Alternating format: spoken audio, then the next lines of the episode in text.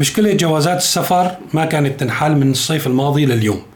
وعود كثيرة أطلقتها الحكومة شهر بعد شهر بأنه راح يكون في حل أكيد وجذري ل آه هذا الموضوع. أطلقت ما يسمى بجواز السفر باليوم الواحد أو المستعجل. آه رفعت الرسوم. ولكن المشكلة تتفاقم آه يعني شهر بعد شهر ويوم بعد يوم. وهذا بيخلي مصير مئات آلاف السوريين فعلا في خطر ومستقبلهم في خطر خاصة المغتربين أو الذي ينوي أن يغادر سوريا بيكون عنده مشروع حياة آخر في منطقة من مناطق العالم. أصبح هذا الموضوع هو المانع والعائق لكي يكمل السوريين حياتهم بشكل طبيعي ويكاد الموضوع يصبح لغز. آه، أتوقع بأني وصلت لاستنتاج ممكن يكون منطقي. آه، حول أسباب هذه الأزمة وراح أتشارك معكم بهذا الاستنتاج. راح نحكي أيضا عن موضوع آه، سرقة امبارح حكينا فيه اليوم راح نكمل الكلام فيه.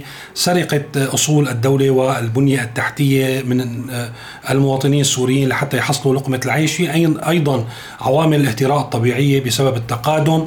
المشكلة كان أي نقص في البنية التحتية لتقديم خدمات أساسية مثل الكهرباء والاتصالات والمياه عم تخلي مناطق بأكملها تطلع خارج الزمان وتعود للعصر الحجري لأن الدولة ما مستعدة تصلح أي عطل طارئ على مثل هذه آه، البنى يلي آه، تؤمن الخدمات الأساسية مثل ما ذكرت للمواطنين. أيضا رح نحكي عن آه، مشروع تم افتتاحه في مناطق خارج سيطرة النظام هو طريق أو توسع لطريق باب الهوى يلي هو معبر بين سوريا وتركيا إلى ريف حلب وحضور يعني حشود ومسؤولين من المعارضة. كان من ضمنهم أبو محمد الجولاني. آه، رح نحكي بهذا الموضوع. هل هذا ما خرج من أجله السوريين؟ أم يعني آه، هناك أمر آخر لم يتحقق إلى اليوم. وأخيرا رح نحكي عن تلاوة صلوات باللغة الروسية من قلب دمشق. هل فعلا أصدقاء النظام السوري أتوا لمساعدته أم لإزاحته والبقاء مكانه إلى فترة غير محدودة؟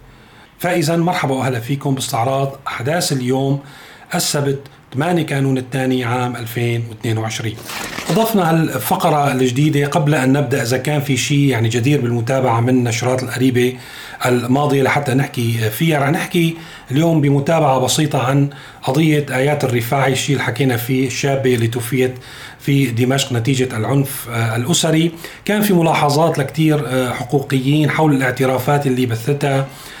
قنوات الرسمية بأنه كانت الاعترافات بين أفراد أسرة متطابقة ولكن الخطورة فيها هي أنه الزوج ضرب الزوجة آيات الرفاعي اللي توفت ضربها وطلع من الغرفة وقعد مع أهله بمعنى أنه ما كان يتوقع وفاته. وبهالحالة بيكون الجرم هو ال يعني الضرب المفضي إلى الموت وهذا عقوبته تقريبا خمس سنوات وبيطلع طبعا في يعني ممكن المحامين يشتغلوا على ظروف يعني تخفيف الحكم أو الخروج بربع آه، ثلاث أرباع المدة إلى آخره. فاذا لن ينال آه، يعني العقاب المناسب على هذه الجريمة الشنعاء. وهذا موضوع بمحله ممكن الواحد يعني يتابع الموضوع وراح نتابع الموضوع لنشوف كيف القضاء السوري راح يتصرف مع بهذا الخصوص. أيضا من الأمور اللي بدنا نتابعها المساعدات اللي قلنا امبارح كمان بتسجيل امبارح فيكم تشوفوه على الرابط إنه الشعب السوري مع الأسف تحول نتيجة العوز والفقر ونقص في كل شيء إلى شعب تجوز عليه المساعدات. أيضا اليوم يكمل يعني الدول تكمل الدول الصديقة وعلى راسها روسيا تقديم المساعدات إلى الشعب السوري. فتم تقديم 500 حصة غذائية للعائلات في أحد قرى ريف اللاذقية. فاذا هذا الأمر مستمر سنصبح مع الأسف يعني في النهاية عالي على الدول. إذا بيطعمونا بناكل إذا ما بيطعمونا بنموت من الجوع. الأمر الآخر يلي بدي تابعه هو موضوع اللي حكينا فيه تسجيل أول امبارح حول تحول إيران إلى الشرير الذي بحاجة إليه الغرب لكي يعني آه، يقوم بابتزاز الشعوب والدول ويستحصل منها على الأثمان يلي آه، بيريدها. حكينا بالتحديد على حادثة ميناء الحديدة.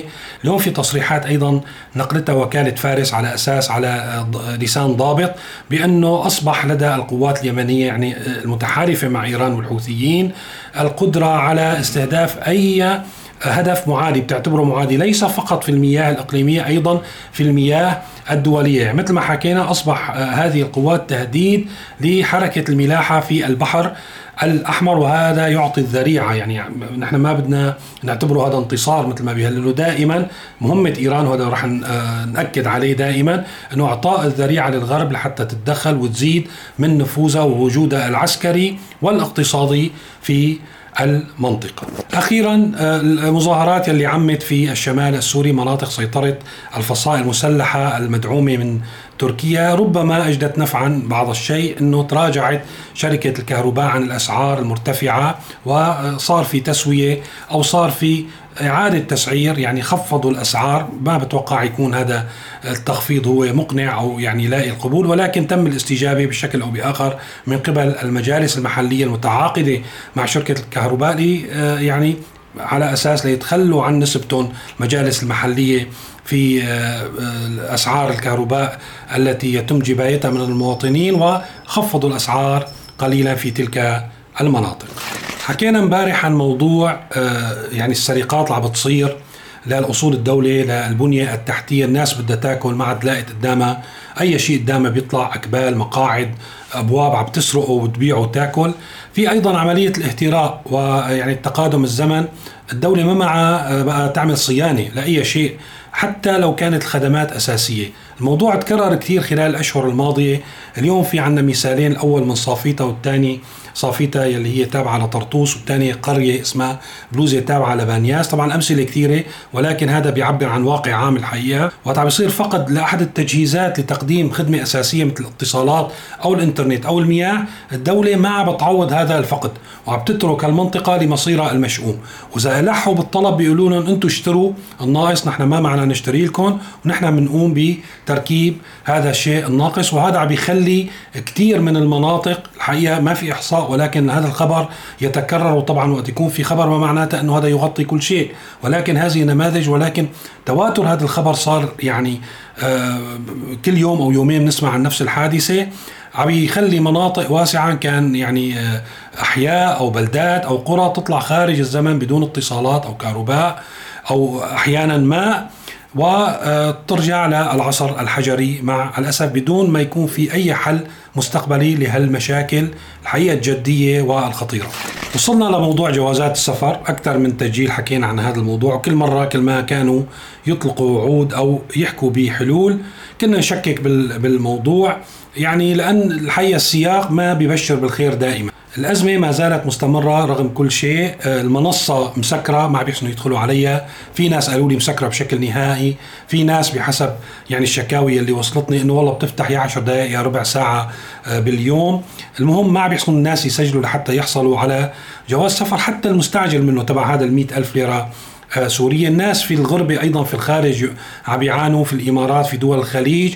وهذا الموضوع الحقيقة جدا يعني مرة ثانية بنذكر جدا حيوي جدا يعني هو يتوقف عليه مستقبل الفرد أو العائلة.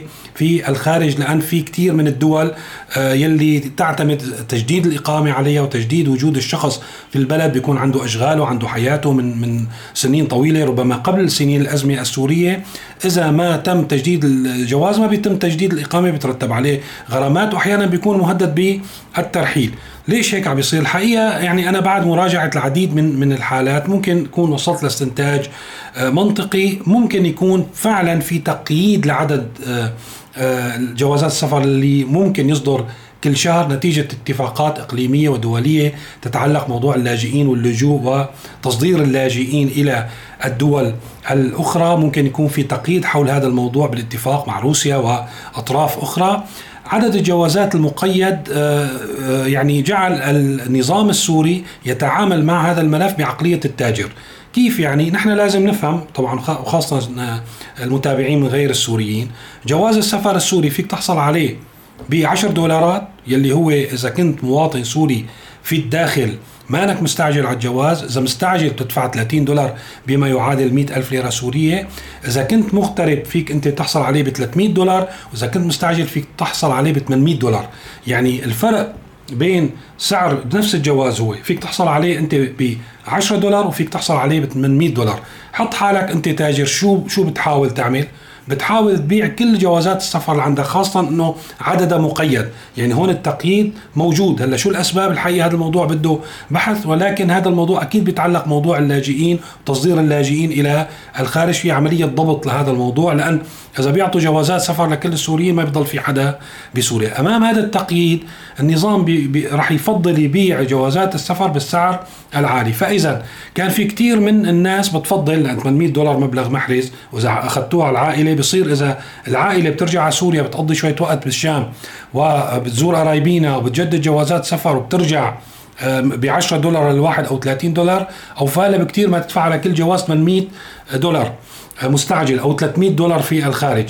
آه، في الداخل ما له مصلحة يعطوا لأن ما بدهم يبيعوا ب 10 دولار ولا بدهم يبيعوا ب 30 دولار إلا يعني بكمية محدودة للغاية. يعني كل طويل عمر عم بيحسن يحصل على جواز سفر من الداخل. هلا المغتربين حتى 300 دولار عم يصعبوا لهم إياها عم يطولوا عم يمطمطوا بالأمور عم يحطوا عراقيل. إنه دخيلة خيو خذ 800 دولار وأعطينا جواز السفر. حتى بهي عم يعملوا فيها نوع من الإشكال لحتى إنه يحس حاله محظوظ أول 800 دولار. فاذا هن عم بيوجهوا كل الإجراءات وكل العراقيل لحتى يبيعوا جواز السفر هذا كسلعة. مثلا إذا قلنا مخصص لهم 1000 جواز سفر بالشهر فهن بده يبيعوها ب 800 ألف دولار. ليش؟ لحتى يبيعوها مثلا ب 10000 دولار.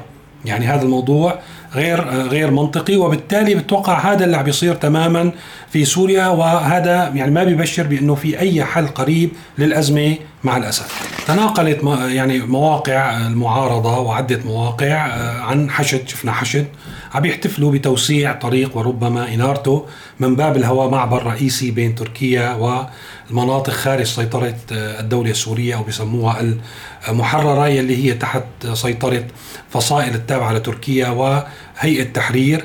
الشام وكان في حضور من المسؤولين ووفود شعبية وكان اللافت حضور أبو محمد الجولاني في الموضوع بهيئة يعني مدنية غير المعتادين عليها وفي احتفال وفرح بهذا الموضوع. طبعا هذا الموضوع بيقودني لحتى أحكي لأن كثير من النقاشات أحيانا اللي سمعتها بأماكن متعددة أو من الناس اللي بتطلع بتحكي بال social media إنه في إنجازات تحقق في المناطق المحررة بين قوسين سواء بالشرق أو بالشمال بإدلب وشمال سوريا. الحقيقة لازم نرجع نذكر لحتى نحن ما نضيع البوصلة تبعنا، نحن بسوريا ما كان ناقصنا يعني طرقات، ما كان ناقصنا كهرباء، ما كان ناقصنا مي، صحيح كان بدنا نطور هذا الموضوع ونحسن الخدمات ولكن ما بتوقع إنه الشعب السوري كان الاحتياجات اللي طلع فيها والمطالبات هي لي انه يعمل طريق أو لحتى يعمل مستشفى أو يعمل بنك أو يعمل ما بعرف شو. هذا الموضوع ما ضمن طلباتنا ولا يمكن أن نحسبه إنجاز لصالح سلطات أمر الواقع في خارج مناطق النظام. هذا أقل ما يمكن عمله وأنا أعتقد إنه لا يستحق الاحتفال ولا الاحتفاء مع مع بين قوسين تقييد حريات التعبير و يعني آه، كل الحريات يعني ما في حرية سياسية ما في عملية سياسية حقيقية لا يطلعوا ممثلين عن الشعب في سلطات أمر واقع تفرض من جهات معينة. يعني هل فعلا نحن لحتى يطلع مثلا أبو محمد الجولاني ويتفشخر بهذا الحدث هل حدا انتخبه مين حطه هون لهذا الشخص اللي ما بنعرف أصله من فصله لليوم إذا بتبحثوا اليوم بالويكيبيديا ما بيعرفوا شو اسمه حتى في شرق سوريا أيضا يعني الموضوع نفس الشيء. يعني الغريب الغريب إنه بده يحطوا علينا حكام ما بنعرف شو اسمهم بده يحكمونا بأسماء مستعارة. آل الجولاني وعبدي وما بقى يعني هذا الحقيقة غريب ونوع من القهر ما بتوقع اللي صار في مثلهم العالم إنه شعوب بأكملها مجتمعات بأكملها ينصبوا عليها حاكم ما معروف أصله من فصله ما معروف اسمه مين هو.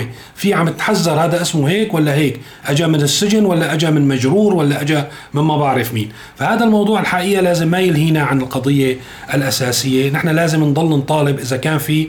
نحن طبعا بنطالب بأنه سوريا تكون وحدة واحدة إنه يصير في تغيير سياسي حقيقي و أملنا وحلمنا ما بفتح طريق هذا تحصيل حاصل هذا بيصير بعد تشكيل الدولة إنه نشكل الدولة ويكون على رأس هذه الدولة وفي المفاصل الأساسية ممثلين منتخبين من قبل الشعب يمثلوا إرادتهم ومصالحهم. قال وقت توقع الدولة بيكتروا محتلينا مو هيك بيقول المثل يعني نحن طبعا كنا عم نحكي بالغزو الثقافي والمجتمعي الإيراني والحقيقة هي مو الدولة الوحيدة هي أكثر دولة عم تشتغل لا شك. ولكن كل الدول يلي أتت ب يعني آه، دعوة إنه مساعده هي دولة صديقة تساعد الدولة السورية وتخلص من المحنة وتطلع بنشوف إنه تصرفاتها موضوع المساعدة العسكرية والقضاء على الإرهاب وكذا لا يستدعي القيام بأنشطة ثقافية ومجتمعية وتكريس يعني ثقافة معينة تنتمي إلى هذه الدولة، شفنا إيران النشاطات الكثيرة، روسيا بنشوف كيف عم تدخل أيضا موضوع المساعدات موضوع مهم، موضوع المساعدات الغذائية، الطبابة، التعليم، بنشوف روسيا عم تمارسه ب آه، كثافة وأخيرا بنشوف إنه طبعا هذا كان شيء غير مألوف بأنه نشوف إنه صلوات بمناسبة يعني العيد الشرقي لميلاد المسيح إنه يقام باللغة الروسية من قلب دمشق ويكون يعني التراتيل بالروسية واللقاءات بالروسية. في تعزيز طبعا إذا بتقروا الموضوع بيقولوا لك إنه هاي الكنيسة السورية الروسية هي كنيسة واحدة من ألف سنة. كل طرف من الأطراف يحاول أن يجد مبرر ليبقى في سوريا الحقيقة هو لم يأتي لتقديم المساعدة